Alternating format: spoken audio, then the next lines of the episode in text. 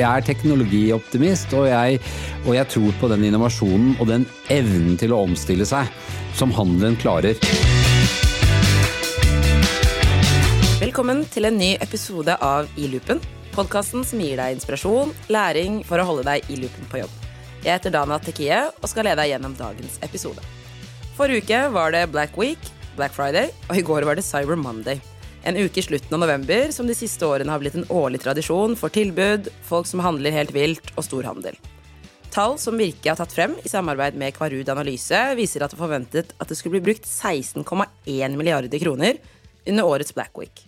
Vips har meldt rekordhøy Vips-handel, som har slått tidligere rekorder, og Klarna melder at de aldri har før blitt handlet så mye på nett hos dem som det gjorde i år. Ikke nok med det, så er julen rett rundt hjørnet, og julehandelen venter, selv om kanskje noen gjorde unna førjulshandelen denne uken. Samtidig så topper Norge forbruksstatistikken, og vi er nest høyst i Europa.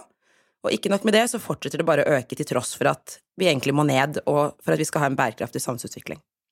For å få hjelp til å diskutere forbruk, handelsmønster, vaner og bærekraft i varehandelen, så er vi så heldige å ha med oss Bror Wilhelm Stende, bransjedirektør for faghandel i Virke og leder av styret for faghandel og styret for sko og tekstil. Velkommen til oss, Bror William. Takk. Og vi har også med oss vår egne Mathias Dyrholt Paulsen, seniorkonsulent innen strategi og bærekraft her i Deloitte. Velkommen, Mathias. Tusen takk skal du ha. Jeg har gledet meg til å prate, og vi begynte egentlig litt før nå med å snakke, så jeg merker at jeg gleder meg til å prate om det her med dere. Men jeg tenker før vi, før vi kommer ned i nitty-gritty, så kan jo lytterne bli litt kjent med dere. Bror Wilhelm, vi begynner med deg. Fortell litt om hva du gjør i jobben din, og hva som driver deg til å fortsette å jobbe med det du gjør. Du har jo vært der en del år. Ja, eh, nå er det jo sånn at når man er i en sånn eh, organisasjon som vi er og driver med handel, så blir det jo litt sånn hjertet hjertebanke for retail, banke for handel. Eh, det er spennende, det er gøy, det er utrolig mange flotte mennesker i, i handel, og det går veldig raskt. Så det skjer alltid noe nytt, det er spennende. Den største bransjen jeg jobber med er jo klesbransjen. Eh, der går jo ting veldig fort, og står også overfor store utfordringer. Eh, ikke minst det du innledet med her, med, med overforbruk osv. Vi må jo legge til rette rammebetingelsene for alle våre medlemmer. Eh, uansett bransje. Like konkurransevilkår er jo en veldig veldig viktig sak.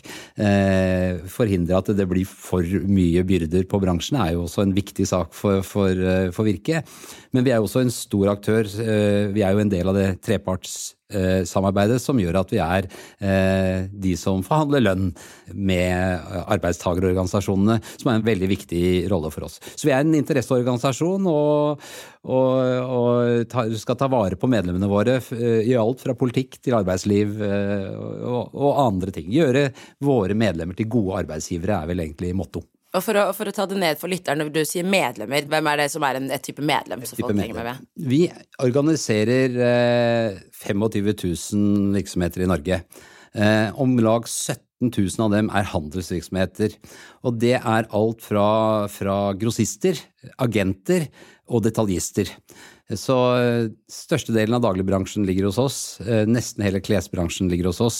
Nesten alt du ser på kjøpesenteret er organisert i Virke. Så, så det, det, er de store detaljhandelsaktørene og grossistene og agentene er organisert hos oss. Og Mathias, du jobber jo som seniorkonsulent for her i Deloitte og jobber med mange ulike spennende selskap. Vi er kollegaer, og du har jo også jobbet litt med faghandel og forbrukerretningen. Hva er det som driver deg til å jobbe med dette? Jeg vil bare ta det litt tilbake, for først så nevnte at Jeg er jo strategikonsulent. Ja. Og i en strategikonsulents hjerte så er det jo ok, hvordan er det vi skal vinne markedet? Uh, hvordan er det vi skal måte treffe kunden? Hvordan er det vi skal ha det beste verdiforslaget som gjør at vi blir valgt fremfor et alternativ eller en konkurrent? Men da jeg kom inn i bærekraftspace etter hvert, så syns jeg at det var litt lite fokus på akkurat det. Det var mer sånn fokus på om jeg skal være compliant, som skal være i henhold til lover og regler. Og manglet litt den derre kunden i bærekraftsarbeidet. Eh, men sammen med eh, veldig mange flinke folka som er på huset her, så har vi egentlig jobbet litt med det. Og det var det som gjorde at jeg tente litt. Og som driver meg, er når man klarer å lage et godt verdiforslag som ikke bare er bærekraftig, men som også er eh, det kunden velger. Slik at for kunder flest, i hvert fall ikke jeg, er jo ikke idealister, som må gjøre at jeg har lyst til å velge dette fordi det er i min interesse, ikke bare fordi det er godt for planeten. Og det er når man klarer å lande de tipoengerne der, det er det som driver meg. Og bare en sånn fra siden vi, altså Ordet verdiforslag er dagligdags hos oss, men det er kanskje ikke det for alle andre. Hva betyr det? Si at et verdiforslag er grunnen til at du skal velge alternativ A over alternativ B. Så det er egentlig bare hva er det denne gir, dette alternativet gir deg for et annet alternativ. Helt enkelt sagt, da. Litt sånn intro så snakker jeg om Black Week, Friday, julehandel, Cyber Monday. Tenkte vi kunne begynne med litt refleksjoner rundt det, egentlig. Da vil jeg spørre egentlig begge to. Hvilket forhold har dere personlig til Black Week, Black Friday, den type, den uken der? Altså, I utgangspunktet så var jo dette den dagen hvor amerikansk detaljhandler skulle snu tallene til å bli svarte. ikke sant? Altså, da skulle man virkelig eh, gjøre årets omsetning og sikre overskuddene. Eh, og så har vi jo da importert disse tradisjonene. Da. Det er jo en av de handelstradisjonene som mange syns er problematisk at vi har, uh, har importert. Men, men, sånn er jo handelen. ikke sant? Den finner, vil alltid finne en eller annen måte å, å selge varer på. og, og, og skaffe seg uh, kunder og kjempe om de markedsandelene som de uh, Ja, og sin andel av lommeboka til din og min. Så, så, Black Friday for meg er jo på en måte en, en, nok en, en kampanjeorientert eh, Eh, dag. Eh, utvikle seg til å bli Black Week. Og det er jo konkurransen rett og slett som gjør dette her. At eh, de ser at her må vi rett og slett smøre på med gode tilbud. Ikke alltid alle er helt reelle, har vi jo erfart, men, men, holder man seg innenfor lover og regler og gjør kunden fornøyd, så tror jeg jo Black Friday er en kjempefin anledning for forbrukere til å handle julegaver eller ting man trenger til en rabattert pris. Men man må være bevisst og følge med. Mathias, hvilket forhold har du? Nei, altså Det er jo lett å si at uh, det er jo litt vulgært. Uh, fordi det er jo ikke bare forbruk, det er overforbruk. Men jeg er helt enig med, med Bror William og sier at uh, handelen vil finne de måtene eller de mulighetene som finnes da, for å maksimere sin profitt. Så jeg syns ikke nødvendigvis man skal skylde noe særlig på dem. Fordi de er jo, de driver business, og de konkurrerer mot andre aktører. Og det er om det er Black Week eller om det er Black Friday eller Cyber Monday, så de tar de mulighetene de får. Eh, så jeg syns ikke at man skal på en måte bære noe nag overfor dem, egentlig. Nei, vi... Varehandelen er jo en viktig del av verdiskaping i Norge, ikke sant? Og, og, og, og dette er en del av det. Eh, det er 350 000 mennesker som, eh, som har sitt levebrød i, i varehandel. Eh, og man, man, nå er jo forretningsmodellene sånn at man er jo drevet av vekst, og man skal jo på en måte vokse. og eh, Man skal da også klare å konkurrere med de andre og skape overskudd og skape verdier. For å nye, innovere og skape nye forretningsmodeller. Så, så, så det er jo en veldig, veldig viktig del, og en god målestokk egentlig på, på på hvordan utviklingen går, at, eh, at, handelen går godt. Det er jo, I mange land blir det brukt som en veldig veldig viktig målestokk. I USA for eksempel, så blir jo forbruket målt som en veldig viktig faktor på om det, det går godt. Mm. Dere har jo nylig sluppet en handelsrapport i Virke, hvor dere sier noe om eh, hvilke mønster vi ser, hvilke trender. Jeg eh, tenkte vi kunne høre litt mer om ja, hvordan dere ser utviklingen. Hva er status? Jo, det som vokser sterkest er jo bransjeglidning og kanalglidning, forbruksmønstre. Det betyr at eh, vi flytter forbruket vårt over til andre kanaler, som netthandel. Eh, og så er det også slik at eh, veldig mange kjemper om de kategoriene som gir høye marginer, og da får vi en, eh, en bransjeglidning. Eh, og kanskje typisk for det, hvis vi skal ta et, eh, en kjent eh, aktør der ute, da, så kan vi jo se Normal, som er en av vekstvinnerne i handelsrapporten, som, som tar altså de kategoriene som de ser har høye marginer, og putter sammen i et sammensurium som det er litt vanskelig å definere kanskje hva hva, eh, hva, det normal egentlig er. Men, men det kan vel kanskje kalles bredt vareutvalg, da det ligger under dagligvare i SSB-statistikken, faktisk. Men det viser jo det at, eh, at, det går an å selge mye forskjellig i de forskjellige bransjene. Eh, klesbransjen tar sko, sportsbransjen tar jo veldig mye klær. Under pandemien tok jo sportsbransjen ekstremt mye av klesforbruket vårt, fordi da skulle vi jo ikke pynte oss, vi skulle bare være ute i friluftslivet. Og de bredt vareutvalg-kategoriene de vokser jo bra. Europris, Uh, Rusta, Jula, Biltema. De tilbyr veldig mye eh, bredt til, folk, da. Og så handler vi veldig mye mer i utlandet. for vi, er, vi reiser mye. Og vi legger igjen mer penger i utenlandske butikker.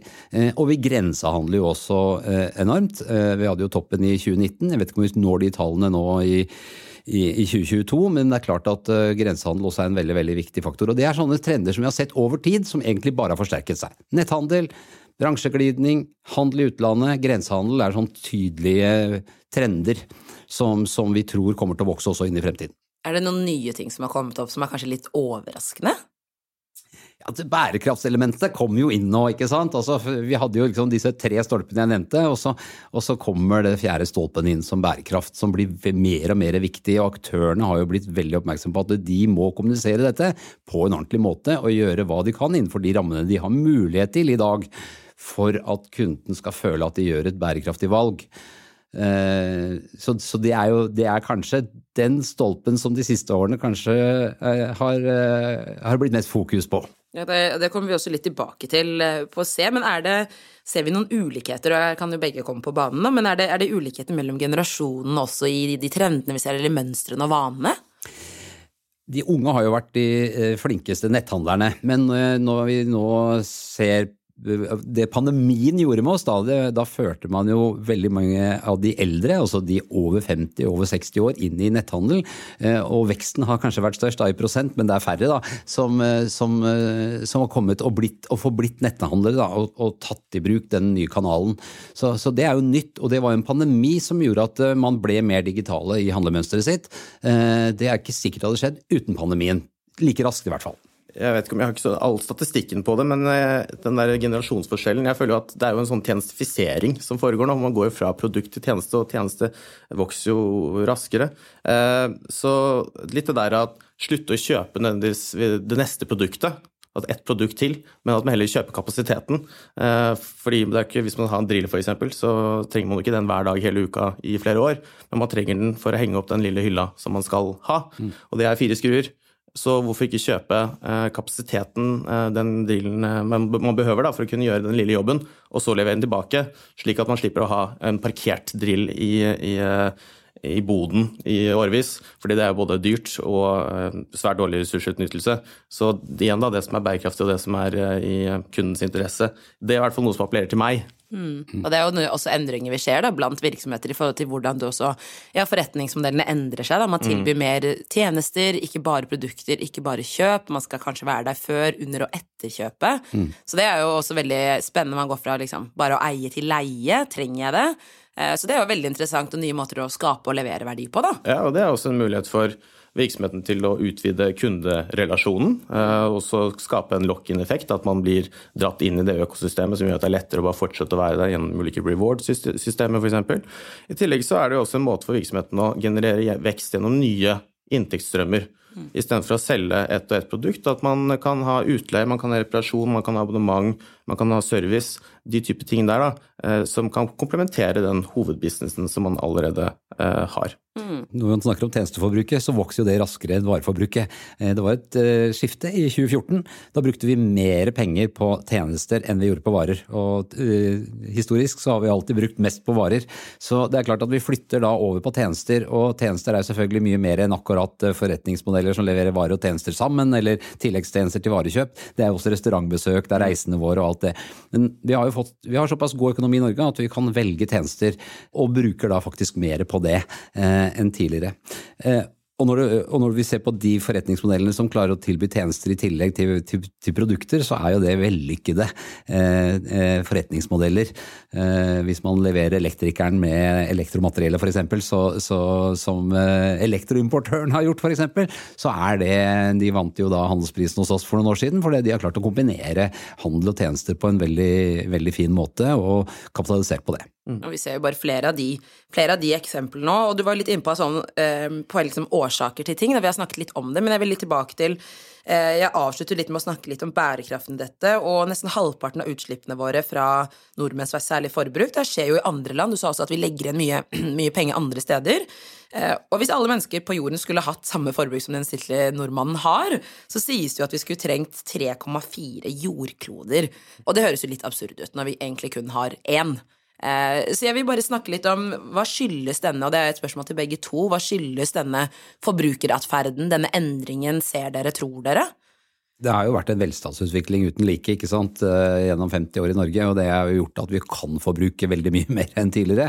Eh, og så er tilgjengeligheten der, ikke sant. Og vi har jo vi har vært i en fantastisk situasjon hvor, hvor, vi har fått bedre og bedre råd, og produktene har blitt billigere og billigere fordi vi har flyttet produksjonen fra oss til lavkostland. Så vi har klart å, å skape da eh, gode produkter med høy kvalitet i lavkostland, og vi har sittet og, og, tjent såpass godt at vi kan velge både det, både produktet og tjenesten, for å si det sånn, hvis man tenker tilbake på det vi sa i stad. Så det, det, det er jo litt av årsaken til det.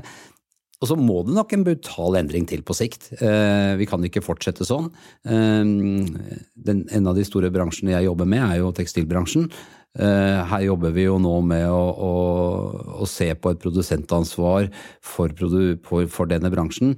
Det må mer sirkularitet inn i, i, i, alle bransjer, egentlig. Vi må klare å utnytte ressursene flere ganger. Akkurat på klær så er det ombruk som gir den høyeste verdien, eh, mens eh, andre materialstrømmer så er det kanskje lettere å, å samle materialene inn og skape nye produkter. Eh, men dette her, om ikke vi har tatt det helt inn over oss, så tror jeg vi kommer til å gjøre det. Og så kommer uh, forbrukeratferden til å endre seg. Jeg tror medlemmene våre må være veldig obs på det at forbrukeren kommer til å velge mer bærekraftig. De sier det nå, de gjør ikke alltid som de sier, dessverre. uh, og så er det kanskje vanskelig å velge de mest bærekraftige produktene. Uh, og tilbake til verdiforslaget du nevnte innledningsvis der. Jeg syns også det at jo flinkere virksomhetene kan være til å kommunisere gode verdiforslag, jo lettere vil det være for forbrukeren å ta de rette valgene i fremtiden. Nei, Jeg er helt enig i det. at uh, Utviklingen har vært sånn fordi uh, det har vært mulig. Altså, Folk handler ut fra én egen interesse, og hvis du kan kjøpe noe som er veldig billig, og du kan kjøpe veldig mye av det, uh, så er det veldig vanskelig å argumentere for hvorfor man ikke skal gjøre det. Hvorfor skal akkurat jeg endre meg? og så er jeg helt enig i det som du også sier, at det har vært en ekstrem velstandsutvikling, og vi har hatt bare relativt mye sterkere kjøpekraft enn store deler av resten av verden. Og da har liksom, Vi har hatt det godt i dette landet, for å si det sånn. Bærekraftig handel, som du sier, det er sirkulær eh, handel. Det handler om å få mer ut av de ressursene vi har. Enten å bare holde ressursene i loopen så lenge som mulig, eller få produktene til å få en høyere utnyttelsesgrad og holde dem i loopen så lenge som mulig. Og i en verdikjede, eh, for å liksom klare å få lukket denne loopen, som vi kaller den sløyfen, eh, så er det jo altså Det er jo alt fra design til produksjon til distribusjon, salg, bruk, avhending, hele den runden der, så er det ulike forretningsmodeller som man kan applisere for å klare å fasilitere den flyten så godt som mulig. Eh, fordi det er jo det som er fint Eller det som på måte er sløsing i det lineære, er jo det som på måte er muligheter i det sirkulære hvis man klarer å få det til. At man bevarer eh, ressursene så lenge som mulig. For som du sier, 3,4 jordkloder, det, det regnestykket går ikke opp. Så vi er nødt til å på en måte um, bruke det vi har, på en bedre, bedre måte.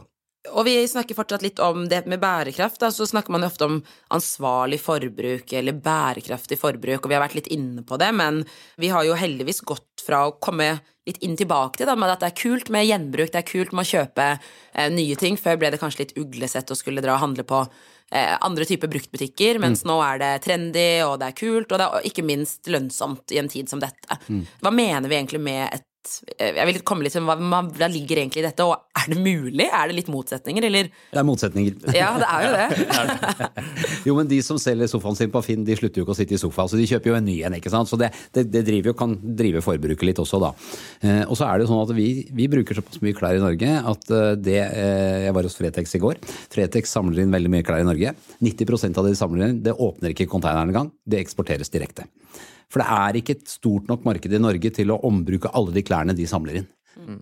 Det, er ikke, det, det er, ikke, mulig å selge det en gang til på det norske markedet. Så det blir solgt i bulk til land som aksepterer da brukte klær eh, på en helt annen måte. Hvor det har en høy, en høy verdi. Mm. Det er en lav verdi for oss. Og det er jo, det er jo fordi vi har den velstanden vi har, selvfølgelig det med ombruk da, og, og, det at man kan selge ting, og at, man, eh, at det kanskje driver også nytt forbruk til en viss grad. At vi må erkjenne det. Eh, men så er det veldig flott at vi gjør det. For det, er det høyeste eh, verdien på et produkt, om det er en brukt bil eller er en brukt jakke, det er jo at den kan brukes flere ganger av flere forskjellige mennesker. ikke sant? Så, så, så lenge vi klarer å holde produktet levende, så er det den aller, aller beste og mest bærekraftige måten å, å, å drive forbruket vårt på. Og så ligger det også noe at altså, det forbruk, eller det, det, som ligger rundt kjøp, er jo ofte liksom ganske langt ned på en måte mot i slutten av en reise eller prosess. Det er også mange andre ting før i forhold til hvilke materialer man bruker, da, hvis man designer eller lager en vare hvor man kanskje da kan bruke ting som folk igjen har gjenvunnet, da, eh, og få tilbake litt den. Jeg vet ikke, jeg Vil legge til noe i forhold til hva som ligger i det med bærekraftig forbruk, eller ansvarlig forbruk, Mathias? Altså jeg er litt enig i det at det er en motsetning. og jeg tenker litt på det at Kanskje man ikke skal kalle det forbruk, fordi jeg føler at forbruk da har det en endestasjon. At det er nesten sånn i så fall ville vært bærekraftig bruk. Eh, men vi klarer ikke å bevare alle ressursene eh, til levetid. tid. Det er alltid noe som, som, vil bli avfall. Så det er jo på et forbruk, så det handler om å få det så kanskje bærekraftig som mulig, og så effektivt som mulig. At vi klarer å utnytte alle verdiene, og ikke på en ja, at det blir avhendet og blir til, til ingen nytte. Og noe av problemet med at det ikke har vært interesse for det, kanskje, eller at det har vært i, i, i bedriftenes interesse, er at det har vært relativt billig å være lineær, og, og økonomien har vært rigget for å være eh, lineær. Men Lineær betyr da? Eh, da at du går fra start til slutt, og at du ikke, du ikke kjører runde på runde på runde. da. Mm. Mm. Men det er veldig mye kult som skjer i, i uh, handelen om dagen. Noe av det er jo på en måte spennende, litt sånn fancy, morsomme eh, piloter som jeg syns er veldig veldig gøy å følge med på. Et eksempel, da? For eksempel um, noe Bergans gjør, da. Nå selger du jo jakker med serviceavtale. Tidligere så var jeg bare vant til å kjøpe bil eller noe sånt med en serviceavtale. Men du kan reparere jakken din i en planlagt en syklus. da. Altså hvor hadde noen hørt om det for, liksom, for tre-fire år siden? Jeg synes det er litt gøy. I tillegg så er det jo disse klassiske eksemplene. altså Det Jernia gjør. Eh, både med reservedeler, de har reparasjon, de har utleie. Jeg tror ikke folk tenker nødvendigvis at nå gjør jeg noe som er bærekraftig, som har et lavere miljøavtrykk eller et materialavtrykk. Men det er rett og slett i min interesse, og det er enkelt og greit å kunne kjøpe den reservedelen for å fikse den grillen, eller å leie den eh, tepperenseren eller høytrykksspyleren, fordi jeg skal jo kun spyle gårdsplassen min i dag, ikke hver dag eh, i flere år. De tingene der, da, Resultateffekten er det samme, men så lenge man gir eh, eh forbrukerne en god nok grunn til å velge nettopp det alternativet, eh, så kommer de til å gjøre det. Hva ser, du, hva ser, dere i bransjene da? Det, hvordan oppleves fokuset på dette i de ulike bransjene? Som... Stort fokus. Bergans er jo medlem hos oss. Eh, og, og, og, de har jo eh, stort, stort, fokus på dette her, men det har jo de fleste andre også. Du nevnte jo også Jernia, som, som driver med dette her sånn. Vi har skoprodusenter som ønsker å lukke lukke hele sirkelen med at skoen skal tilbake eh, dit den kom fra i sin tid. Og flere og flere tenker eh, på den måten at de vil ha hånd om materialstrømmen. At materialstrømmen ikke skal ende et eller annet sted, men at du skal komme tilbake der du kjøpte den varen for at den skal kunne brukes på nytt. Så, så, det er flere og flere som tenker i de baner. Eh, å få tilbake de innsatsfaktorene som de skal bruke til nye produkter.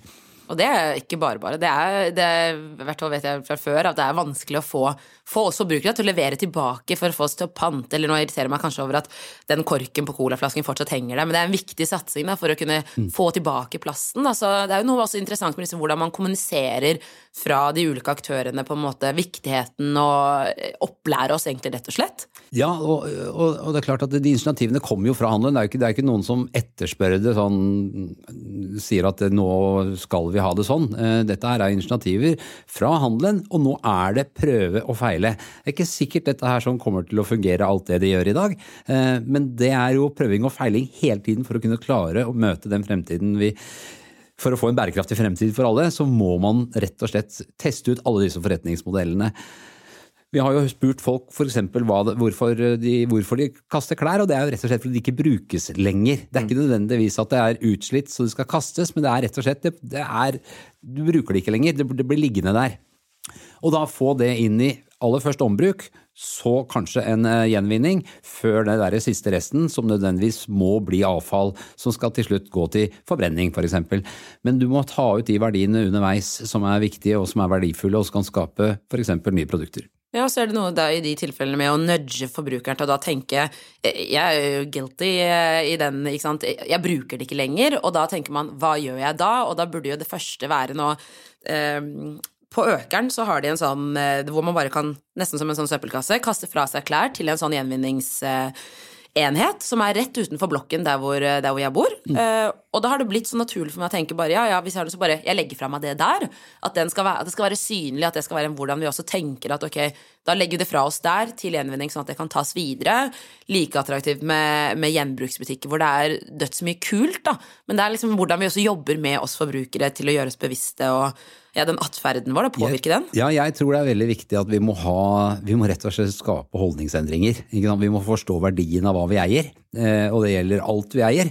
At dette har eh, kanskje et liv eh, for noen andre. At den kan leve lenger hos andre mennesker. Eller at det rett og slett kan sorteres ut og puttes i noe som skaper nye produkter. Og rett og slett skaper den sirkulariteten som er viktig for, for fremtiden. Man snakker ofte om at det å ta disse valgene kanskje ikke er mulig også kanskje for alle. fordi vel ofte nå så er det ofte at det er, det er dyrere å produsere noe som mer, tar mer hensyn, som er mer bærekraftig. Og, de, og, da koster det kanskje gjerne litt mer, og det er også dyrere for produsenten og virksomheten å kunne levere disse tjenestene. Men alle må jo være med på å ta disse valgene og disse løftene. Men hvordan eh, kan alle være med på det egentlig? Det er kanskje ikke alle som har råd til å ta de valgene, jeg vet ikke. Alle kan jo gjøre sitt til at man sorterer riktig, at man eh, ikke ikke sorterer eh, eller kaster ting som er brukbart. Uh, uansett hvor god eller dårlig råd du har, så kan du i hvert fall sørge for at ting kommer inn i, i, i riktig materialstrøm, tenker jeg. Og, og, det er først når ting virkelig ikke kan brukes om igjen, at man først skal kaste det i restavfallet. Og du, enkelte ting skal selvfølgelig ikke i restavfallet. Er det metall eller elektronikk, sånne ting, så skal man sørge for at det kommer inn i, i riktig materialstrøm, så det kan gjenbrukes eller produseres nye produkter av. Hva skal til? Hva skal man, jeg vet ikke om dere har noen tips og refleksjoner til liksom, hva skal man gjøre? Jeg kan starte eh, en refleksjon, resonnement som går ut på at da vi jobbet med, med Virke for uh, et års tid siden på et program som het Sirkulær 2030, som skulle prøve å være med å akselerere omstillingen til en mer sirkulær handels- og tjenestenæring, så gjorde vi en del, en del arbeid. Og det som inngikk i det arbeidet, var bl.a. Um, det kunnskapsgrunnlaget på sirkulær økonomi som Deloitte lagde for regjeringen. Og Der er varehandelen identifisert som en av de næringene med aller aller størst potensial for eh, sirkularitet og sirkulær økonomi i, i um, Norge. Og Det er ikke kun pga. Liksom sånn handelen isolert sett, men deres påvirkning på resten av verdikjeden. Fordi Man kan jo se på at handelen har jo i utgangspunktet tre roller. Eh, og det ene er jo at Den skal jo feie for egen dør først, altså som hva er det man gjør innenfor butikkens eh, fire vegger. Og så er det jo, Man kan jo stille krav til eh, leverandørene, både på råvarer som blir brukt, produktdesign, skal den repareres, holdbarhet, sånne ting. Disse tingene blir også tatt hånd om av EU etter hvert. Men så er det jo også, de kan jo påvirke forbrukerne, både med vi, hvordan vi plasserer i butikk, prising, altså merkeordninger. Men aller viktigst Eh, av dette er jo på en måte liksom sånn hvilke modeller kanskje man selger eh, produktene gjennom. Um, så for å si det på en litt sånn poetisk måte som uh, Solveig Irgens Virke uh, sa til meg for et års tid siden, at handels- og tjenestenæringen er et nav for sirkularitet i hele verdikjeden. Så det er på den katalysatoren som kan være med å få ting til å, å funke. Så jeg mener at handelen har en, en, kjempeviktig rolle for den omstillingen som vi helt sikkert må gjennom. Mm. Vil du høre noe å legge til? Ja, jeg, jeg er helt enig i det. At vi er, vi er løsningen. Handelen, eh, handels- og tjenestenæringen er løsningen på, på, mye av problemet her. Eh, og handelen har jo innovert og vært flink ikke til å, å, å, øke produktiviteten. Altså, det er en grunn til at klesprisen har rast siden 1995, og, og, sånn, og det er jo fordi man har funnet bedre måter å gjøre det på, billigere måter å gjøre det på. Eh, men ikke bare der, man har altså gjort eh, masse annen innovasjon, masse annen produktivitetsøkning i handelen, som kanskje ikke har kommet like gått frem. Handelen bare gjør det. Industrien skriker litt høyt om eh, at de innoverer og, og, og hvilken produktivitet de, de, de, leverer, mens handelen har egentlig bare gjort det for at de skal tjene mer penger. Mm. Og hvis de kan flytte den innovasjonen da over i et bærekraftsarbeid, altså rett og slett bruke den kreativiteten de har, til å, til å, å øke profitten, men nå øke eh, den, den, sosiale profitten, hvis man kan kalle det det, da, så, så, tror jeg veldig at handelen kan være, eh, være med på den store løsningen. Nå, og dere treffer jo veldig mange, og dere får jobbe med veldig mange spennende medlemmer og virksomheter. Eh, så jeg skal ikke si at du skal utpeke liksom, favorittbarnet, men er det, er, det noen, er det, noen, flinke ledestjerner vi ser, som bare for å liksom, eksemplifisere det litt for lytterne, da, som er flinke, som går frem, som man kan se til i det her? Vet du hva, jeg tror dette her er en, eh, en prosess som vil være konstant under utvikling. Altså, Vi jublet når vi lagde fleecegensere av PET-flasker. Nå er fleecegensere mikroplast i naturen. Mm. sant? Så vi må lære hele veien her. Det at vi prøver og feiler, prøver å skape nye modeller, prøver å øke levetiden på produktene, sørge for at de kommer tilbake igjen. Eh, og hvordan det skal gjøres i fremtiden, det, det, vet vi kanskje ikke i dag. Men det er jo hele prøve- og feileprosesser som gjør at vi, vi lærer hele tiden. Eh, og vi vet jo ikke hva er som er mest bærekraftig. Er det bomull eller er det polyester? Polyester varer kanskje lenger. ikke sant? Du kan bruke en polyesterplagg lenger enn du kanskje kan gjøre med en, en bomulls-T-skjorte, fordi den blir, den, den blir utslitt. Hva er mest bærekraftig? Det må vi hele tiden lære, ikke sant. Så det er vanskelig å si akkurat hva som er eh, hva som er løsningen i dag. Eh, men, men vi kan jo nevne Bergans som et eksempel da, på, på, det de gjør. Eh, men de aller fleste har et veldig stort fokus på, på bærekraftsarbeid eh, og hvordan de skal klare å, å, å komme i mål i fremtiden. For de skal fortsette å produsere, de skal fortsette å selge volumer, men de må gjøre det innenfor, innenfor den kloden vi har, og ikke bruke opp to-tre. Og det er det som er så spennende, er når du blir, må innovere da, og komme med, bruke kreativiteten, komme på nye løsninger og nye måter å jobbe på. De to siste spørsmålene. Det ene er er dere optimistiske eller pessimistiske for fremtiden? Halvfullt eller halvtomt glass? eh, vet du hva, jeg er, jeg er optimist. Jeg er, litt, jeg er teknologioptimist, og jeg, og jeg tror på den innovasjonen og den evnen til å omstille seg som handelen klarer. Vi jo, vi hadde for, I 2018 så hadde vi jo retail akapolypse som tema på handelskonferansen. For da så vi til USA hvordan eh, det ene kjøpesenteret etter det andre uh, sto brakk, ikke sant. Men det er jo ikke sånn at handelen stopper jo ikke, men handelen endrer seg.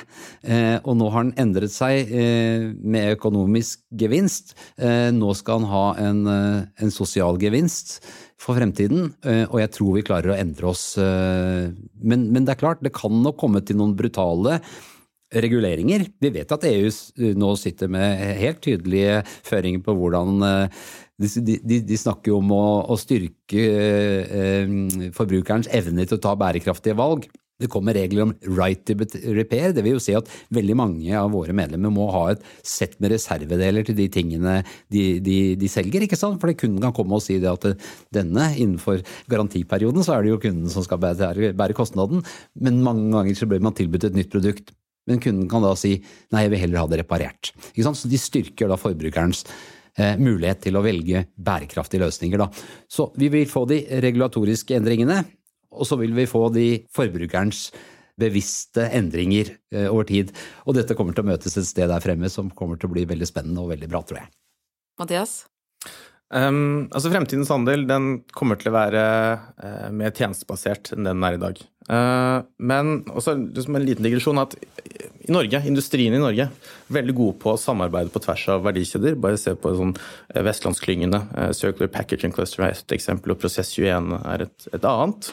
Eh, hvor man på, på tvers av eh, kanskje egentlig konkurransehensyn har gått sammen for å finne de gode løsningene og løse de eh, problemene som hele verdikjeden eller næringen står i. Og der har kanskje handelen ikke vært like god. Jeg føler at jeg har snakket med ulike aktører som kanskje har hver sine løsninger, så er litt mer fragmentert, hvor man heller kunne gått sammen og kanskje fått litt mer skala på det. Og at man gjemmer seg litt bak et sånt slør av eh, konkurransehensyn. Så jeg syns kanskje at eh, handel burde ta ned garden litt og bli flinkere på å samarbeide om de felles løsningene, sånn at man får litt skala og litt eh, drive bak der. Fordi hvis alle skal sitte på hver sin tue og komme med hver sin lille løsning, så er det på en mindre kraft bak det, og det er altså mindre hensiktsmessig for meg som forbruker, eller oss, da. Så litt mer samarbeid for å finne de gode løsningene, som også har litt mer tyngde. Det er det jeg håper på det er der min optimisme ligger. Bra. Hva tenker dere er det viktigste lytterne skal sitte igjen med etter dagens episode, da? Jeg syns jo eh, jeg synes man, skal, eh, jeg synes man skal handle med god samvittighet. Eh, men man skal jo selvfølgelig være en bevisst forbruker og tenke over forbruket sitt. Men man skal også tenke på at man er med på en verdiskapning. Det er, det er er Norges, Handelen er Norges største private arbeidsplass. Eh, det er høy verdiskaping, det er 350 000 ansatte. Eh, det er mye, det er mye gode skatte- og avgiftsinntekter i, i, varehandel, for å si det sånn. Så, så, man er jo med. Så man skal handle med fornuft og god samvittighet. Ja, altså, Helt enig, man kunne skamme seg, men jeg syns det var gøy å Eller oppmuntre til å prøve litt nye måter å handle på. Altså Ikke nødvendigvis kjøpe produkt, men kjøpe kapasitet. Eh, delingsplattformer, as a service. Altså de, prøver å reparere. Altså prøve å utvide horisonten litt og gå litt bort fra den konvensjonelle måten å være forbruker på i Norge. Og prøve litt nye av de modellene som er, og gi litt eh, fart på, på, de som prøver å kjøre i gang eh, litt sånn piloter og nysatsinger nå. Gi dem litt eh, hjelp. Det hadde vært kult. Tusen takk for at dere har vært med i dag og delt refleksjoner, tiden deres og kunnskapen, ikke minst. Eh, jeg håper at dere som har lyttet i dag, har fått eh, litt økt bevissthet og kunnskap rundt handel, forbruk og bærekraft. Eh, hvis du syns dette var interessant, del og fortell om episoden til noen du kjenner. Takk til bror William og Mathias for tiden deres. Og takk til deg som har lyttet. Vi høres.